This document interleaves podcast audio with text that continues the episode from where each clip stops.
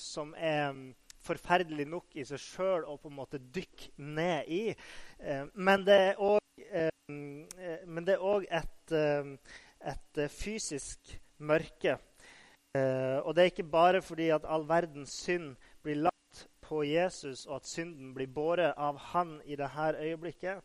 det er ikke bare et billedlig mørke, men det er òg fysisk mørke. Så vi leser fra den sjette time falt det et mørke over hele landet, helt til den niende time. Og ved den niende time ropte Jesus med høy røst, Eli, Eli, lema sabachthani. Det betyr, min Gud, min Gud, hvorfor har du forlatt meg? Den sjette time, det betyr at klokka var tolv på dagen. Så når det falt et mørke landet, så er det ikke snakk om at det her går fra dag til natt. Men sola sto på sitt høyeste, og likevel så falt det et mørke over landet. I en bibeloversettelse så står det 'over hele verden'. Eh, så det er snakk om et mørke her, eh, et fysisk mørke, et faktisk mørke som falt over verden. Og det må jo ha ei betydning. Eh, og en, en, som heter Flegon, som var en, en hedensk historiker eh, fra Hellas. Han befant seg i Hellas på dette tidspunktet da Jesus hang på korset. Og han skrev faktisk om denne formørkelsen i en av sine bøker. Jeg, jeg vet ikke om han kjente til eh, historien om Jesus, eller om han noen, noen gang fikk høre den. Eh, men han skrev i det fjerde året av den 202. olympiaden var det en stor solformørkelse, større enn noensinne. For ved den sjette timen ble dagen om til natt, og man kunne se stjernene på himmelen. Så det var ikke vanlig solformørkelse det var snakk om, der på en måte månen dekker sola. For vi, vi som har levd uh, lenge nok, sånn som meg, som har levd kjempelenge så har vi sett en solformørkelse, og vi vet at det blir ikke beksvart. ikke sant? Man ser ikke stjernene. Det, det, er ikke snakk om. Eh, men Flegon sier at det var så mørkt at han kunne se stjernene på himmelen, og det varte i tre timer. I de aller tidligste manuskriptene vi har av Lukasevangeliet, Eh, der eh, brukes noen ord her. I vår bibel så står det 'solformørkelse', men, ikke, men, det er ikke snakk om en vanlig solformørkelse. I de tidligste manuskriptene så bruker eh, Lukas noen ord som kan oversettes som 'solen sviktet'. Gud lot et mørke falle over jorda idet Jesus nærma seg døden. Med det så lot Gud hele sitt skaperverk bli et vitne om at hans sønn, verdens lys, den hellige og feilfrie Messias, nå i dette øyeblikket bar våre overtredelser eh, og, eh, våre synder og våre lovbrudd Faktisk hele verdens ondskap ble samla opp på Jesus i dette øyeblikket. Som Jesaja skrev, han tok på seg de mange synd og ble rammet i stedet for lovbrytere. Jesus tok på seg vår synd. Og som et tegn for menneskene, både da og nå, så, så var det et tegn på at det var vår skyld som gjorde Jesu død nødvendig. Derfor holdt Gud tilbake solen fra å skinne på jorda i det øyeblikket. Fordi eh, vi hadde hengt Jesus på korset ved vår synd. Derfor er det ingen av oss som kan stå og se på korset og den historien som utfolder seg, eh, som uskyldige tilskuere. Fordi det var vår skyld som gjorde at han var nødt til å henge der. I tre timer svikta sola for at vi skulle forstå i tre dager så var Jesus verdens lys borte, så vi skulle bli fri.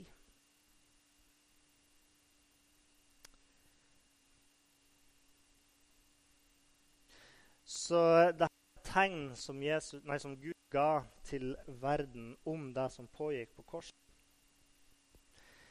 Og så tenkte jeg Noen ganger hører man folk si at ah, hvis Gud virkelig fins, kan han ikke bare gi meg et tegn eller, eller, vise for meg på en eller annen måte? Jeg håper at det var noen som sa det akkurat i dag, en eller annen plass i verden.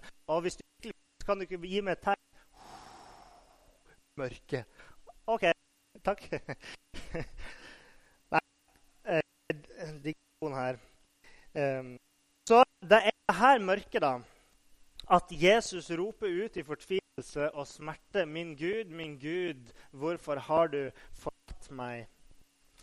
Eh, det er et viktig utdrag nå da, for at han har bevart denne originale, eh, denne originale ordene som han sa Eli, Eli, Sabachthani. Men når det står her at han med høy som brukes det et ord som reflekterer nettopp smerte og fortvilelse. Ikke bare et ord, et rop. Og der ser vi òg i det Jesus her sier, at det uttrykker en smerte. Og så klart kan vi forstå at Jesus opplever smerte. Jeg mener, Det er ikke så vanskelig å forstå for en mann som henger på korset, at han er i smerte. Til å begynne med så svetter han blod i Getsemane da han var der og ba til Gud i, i angst og fortvilelse. Dette er en medisinsk tilstand som fører til at huden blir ekstremt øm og følsom. Og Deretter ble han slått, piska og fikk en tornekrans over hodet. Han måtte bære en eldgamle korset. Det var jo sånn at eh, korsene romerne brukte altså I Jerusalemsområdet der var treverk en sjelden vare. Eh, hvis dere har vært i Israel, så vet dere det. Store, kraftige tre, eh, tre bjelker de sjelden der. Så, så, de resirkulerte de her korsene som de brukte. Så Jesu kors ville være fullt av blod fra flis. Uh, han, han fikk tykke nagler slått gjennom hendene og føttene og hengt på korset. Så det er ingen tvil om at han opplevde smerte. Men hvis vi skal forstå det her som et uh, rop kun ut ifra fysisk smerte, så er det ganske utrolig at det ikke kommer før nå. Husk at ingen andre steder i denne lidelseshistorien der, der forfatterne har bevart noen uttrykk Jesus har for smerte inntil dette øyeblikket. Eh, så, så ingen andre plass så ser vi at Jesus gir uttrykk for den smerten. Ingen utsagn vi har for Jesus sier eh, 'Nå har jeg eh, vondt i armen min', eh, eller hva det skulle være. Og jeg tenker at Det er fort gjort for oss, og det er naturlig for oss å fokusere på Jesu fysiske lidelse fordi at selvsagt gjør det her Jesu lidelse så altfor synlig for oss. Men vi må ikke glemme at Jesus opplevde en smerte som var mye større. Han opplevde nå en følelse av åndelig død da straffen for våre synder ble overført på ham. Han ropte ut fordi han ble synd for oss. Og for første gang opplevde han en avstand til sin far. Kanskje har du opplevd å miste noen som du har vært glad i, og den smerten man da kjenner, eh, kan være nærmest uutholdelig. Og det er ikke fysisk smerte, men, men en smerte i vårt indre. Og Hvis vi hadde kunnet forstått det forholdet Jesus hadde hatt til sin far eh, i himmelen, som han hadde vært ett med evighet av, så kunne vi kanskje begynt å forstå noe av den smerten som Jesus her føler. Synden skaper et skille mellom oss og Gud. Det skaper en avstand mellom oss og Gud. Eh, og mange mennesker de ignorerer den smerten og den fortapelsen som dette leder til. Men når Jesus, ren og hellig, eh, Gud fra evighet av, når han får oppleve dette skillet, så var det umulig for han å ignorere den følelsen. Det ble så smertefullt, og det er den smerten som gjør at han roper ut, 'Min far, min far, hvorfor har du forlatt meg?' Idet han roper ut de her ordene, så sier han at han kjenner vår syndighet kom over seg. Han kjenner vekten av en fallen verden på sine skuldre. Og jeg tror at vi bør ta til oss det her smerteskriket. Fordi at her i Jesus så ser vi hvor fryktelig det er å bli adskilt fra Gud. At korset, piskinga All den smerten var ikke nok til at han ropte ut i fortvilelse inntil han fikk kjenne på våre synd. Det var det som var den virkelige smerten. Jeg tror ikke at vi i livet kan oppleve, eller kan kjenne på den følelsen å bli fullstendig ett med Gud. Og da tror jeg heller ikke at vi kan fullt ut forstå hva det vil si å være atskilt fra Gud.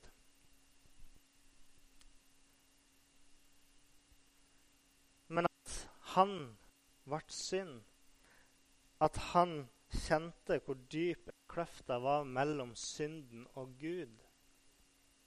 Det var det som skapte en dødens angst i Jesus, i Getsemane. Der var den virkelige smerten på korset. Og derfor så blir er et vitne om hvor mye vi trenger Gud, så vi skal slippe å kjenne det han kjente der. Og eh, kan man si ja, ja. Men, eh, men, det var jo heldigvis ikke bare, bare, min synd han opplevde. Hadde det bare vært min synd, hadde det kanskje ikke vært så ille. Alle var jo med på det. Men det er en dårlig trøst i det. For all synd leder til denne adskillelsen fra Gud. Og når jeg tenker på det, så gir meg bare lyst til å falle på kne og si til Gud, tilgi meg. Tilgi meg for den synden jeg kasta på deg. Men Jesu rop det blir òg et vitne om hans kjærlighet til oss. Der han sier til oss, 'Se hvor høyt jeg elsker deg.' Se det jeg er villig til å bære for det. Og Jeg håper i dag at vi kan åpne vårt hjerte og ta imot denne kjærligheten og komme til tro på at Jesus ofra seg for dine synder, sånn at du kan bli tilgitt ved Guds nåde, og at du kan oppleve å bli fullkommen i Jesus. Så det er der vi, det, er det ønsket Gud har med å dele de her ordene med dere, er at dere skal komme til tro på han, og at det offeret han ofra for oss, ikke skal være forgjeves. Så jeg skulle gjerne komme med litt flere morsomheter i dag, men det er ganske alvorlig, et seriøst tema. Og jeg brenner virkelig for å dele sannheten med det. Eh, og, og, jeg vil si heldigvis så er jo ikke Guds tilgivelse og frelse noen vits. Det er en virkelighet. Og jeg må bare innrømme at akkurat det utsagnet vi jobber med i dag, har for meg personlig ikke vært enkelt å gripe dybden av. Og jeg tror ikke jeg greier det heller. Fordi mens jeg jobba med teksten, så oppdaga jeg en rekke teologiske minefelt her. Og, og det, i min fortvilelse jeg satt for meg sjøl på kontoret og, og leste gjennom kommentarer kommentarer på det her for å finne liksom, Er det noe jeg har mista? For jeg føler ikke at jeg greier som griper helheten her. Så jeg ringte en av mine tidligere eh, lærere fra Høgskolen der jeg studerte teologi, og, eh, som er en veldig dyktig bibelteolog. spurte liksom eh, hva, skal vi, hva skal vi liksom si om dette utsagnet til Jesus? Hva kan vi forstå? Og Da var det jo egentlig en viss trøst i at han òg var enig med at her ligger det òg et mysterium. Så jeg har ingen intensjon om å lese noe inn i teksten her eller konkludere utover det som de her ordene eller det som Bibelen som helhet kan, kan si oss. Og hvis jeg skulle si noe eh, som er teologisk eh, feil i lag, så håper jeg bare Gud har nåde med meg og ser at jeg, eh, jeg kommer med et rent hjerte for han og ønsker det beste. Men det hender jo noen ganger at vi kan stille spørsmål som Bibelen ikke gir hele svar på. Som den ikke besvarer fullt ut. Eh, og det er jo noe med det Paulus sier, at nå, altså, nå så forstår vi bare stykkevis og delt. Så, så, jeg bare vil si det, hvis dere jobber med denne teksten videre og møter på liksom, at her ser dere noen vanskelige problemstillinger, eh, så vil jeg bare si at vi kan filosofere om mye rart som mennesker, og, og vi kan bruke hele vårt liv på å fundere over Guds uendelighet, f.eks. Eh, men fremfor å bruke så mye tid på å fundere på det som fortsatt er i det skjulte, eh, så tenker jeg at vi kan heller være takknemlige for at Gud har åpenbart sin, seg sjøl, sin vilje for oss, på en måte som er tilstrekkelig vi skal kunne komme til Han. Eh, vi kan si det på en enkel måte. Gud er større enn vi kan forstå, men da har vi i hvert fall forstått at han er stor. Okay? av det Jesus har gjort, så skal vi en dag forstå hvor stor han virkelig er. Når Jesus sier de her ordene, så, eh, så henviser han oss til Salme 22. Eh, på Jesus' tid så hadde ikke bibeltekstene kapittel og vers. Det var jo noe som først kom i, i middelalderen. Eh, og så Måten man på en måte henviste til en salme, var egentlig å si de første strofene i salmen, som ble som en tittel på den salmen. Og Salme 22 begynner med nettopp de her ordene. sånn at jeg tror kanskje at Jesus her forteller oss at denne salmen handler om han. Vi skal lese på Salme 22. Min Gud, min Gud, hvorfor har du forlatt meg? Hvorfor er du så langt borte når jeg trenger hjelp og skriker ut min nød? Min Gud, jeg roper om dagen, men du svarer ikke. Jeg roper om natten og får ikke ro. Men du er den hellige, som troner over Israels lovsang. Til deg satte fedrene sin lit. De stolte på deg, og du ledte dem ut. De ropte til deg og ble reddet. De stolte på deg og ble ikke til skamme. Men jeg er en mark og ikke en mann. Spottet av mennesker, foraktet av folk. Alle som ser meg, håner meg, vrenger leppene og rister på hodet. Han har overgitt seg til Herren. La ham fri ham ut og redde ham, siden han har glede i ham. I de her siste versene jeg leste nå, så ser vi jo hen, tydelige henvisninger til de her romerne og de jødiske lederne og den forbryteren som hang på korset ved siden av Jesus, som hånte Jesus eh, og sa sarkastisk at hvis han virkelig var Gud, så kunne han jo redde seg sjøl fra korset. Vi leser videre. Du dro meg fram fra mors liv, du gjorde meg trygg ved hennes bryst. Fra jeg ble født, er jeg kastet på deg fra mors liv. Er du min Gud? Eh, vi kjenner til eh, historien fra Betlehem, den første jul.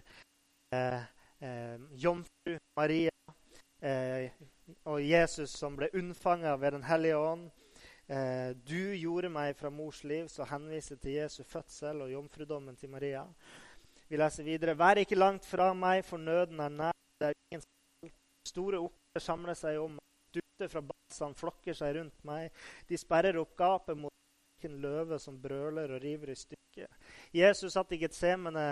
Eh, han ba en bønn i fordi Jesus kjente de tingene som skulle komme. Han kjente at de her løvene de samla seg rundt ham. Eh, han visste da at eh, noen timer så kommer eh, romerne og jødene til å arrestere meg og dømme. meg. Jeg renner bort som vann. Alle mine bein er løsnet. Når man henger på korset, de tingene som skjer, at, at armene blir dratt ut av ledd, beina løsner fra hverandre. Eh, hjertet er som voks, det smelter i meg. Uttrykk for Jesus' smerte. Munnen er tørr som et potteskår. Tungen er klistret til ganen. Den tørsten han følte, blodet tømmes ut. Eh, han nærmer seg døden. Du legger meg ned i dødens støv, står det. Eh, hunder samler på meg. En flokk av voldsmenn omringer meg. De gjennomborer eh, mine hender og føtter. Hvert bein i kroppen kan jeg telle. Det var profetert ingen bein i Jesu kropp skulle brekkes. Romerne som alltid beina de som hang på korset. De un, unnlot å gjøre det med Jesus. Um, de stirrer, de ser på meg, de deler klærne mine mellom meg, seg og kaster lodd om kappen. Vi ser Jesu fysiske lidelser beskrives her, eh, og, og, det at de romerske soldatene kom til å kaste lodd om klærne til Jesus. Og Fram til nå så er det ganske mørkt, men så kommer de neste versene. Men du, Herre, vær ikke langt borte. Min styrke skylder å hjelpe meg. Redd mitt liv fra sverdet, det eneste jeg har fra hunders vold. Fri meg fra løvens gap. Du har reddet meg fra villoksers horn. Jeg vil fortelle mine brødre om ditt navn. Midt i forsamlingen vil jeg lovprise deg. Dere som frykter Herren, lov ham. Hele Jakob ett. Gi ham ære. Ha ærefrykt for ham, hele Israels ett. Han har ikke foraktet den som er hjelpeløs, og ikke vendt ryggen til den som lider. Han skjulte ikke ansiktet, men hørte da han ropte om hjelp.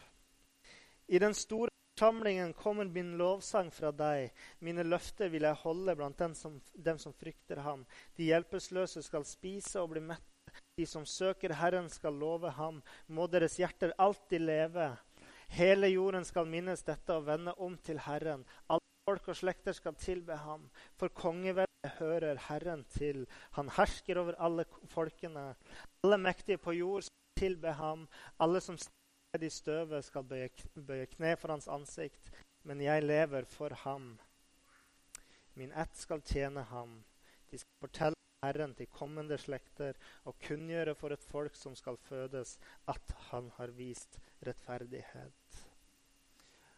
Kanskje var ikke de her ordene bare et smerterop, men òg en bekjennelse av Jesus til, til sin far midt i det verste mørket, i det Jesus myntes denne salmen.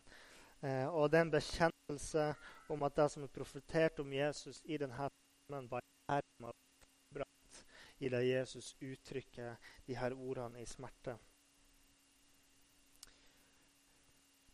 Så i dette øyeblikket, når hele skaperverket markerer Jesu død ved å kaste et mørke over jorden, vitne over hele verdens synd, eh, så hengte Jesus på korset, så er det òg et lys i mørket.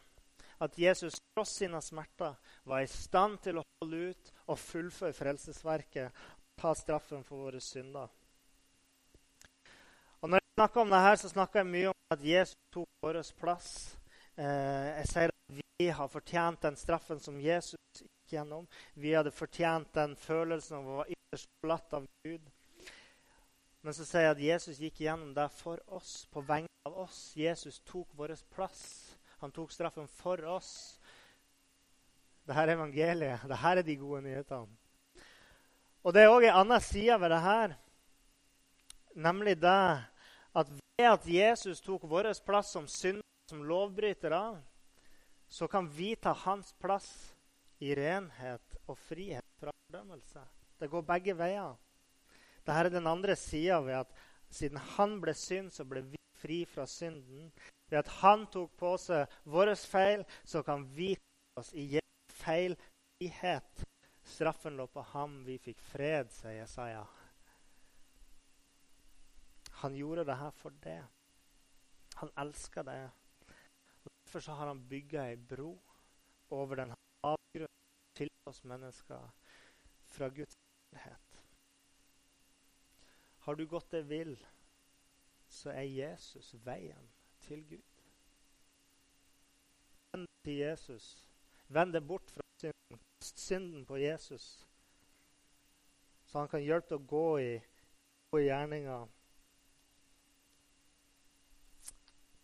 Han har båret synder til en ufattelig høy pris.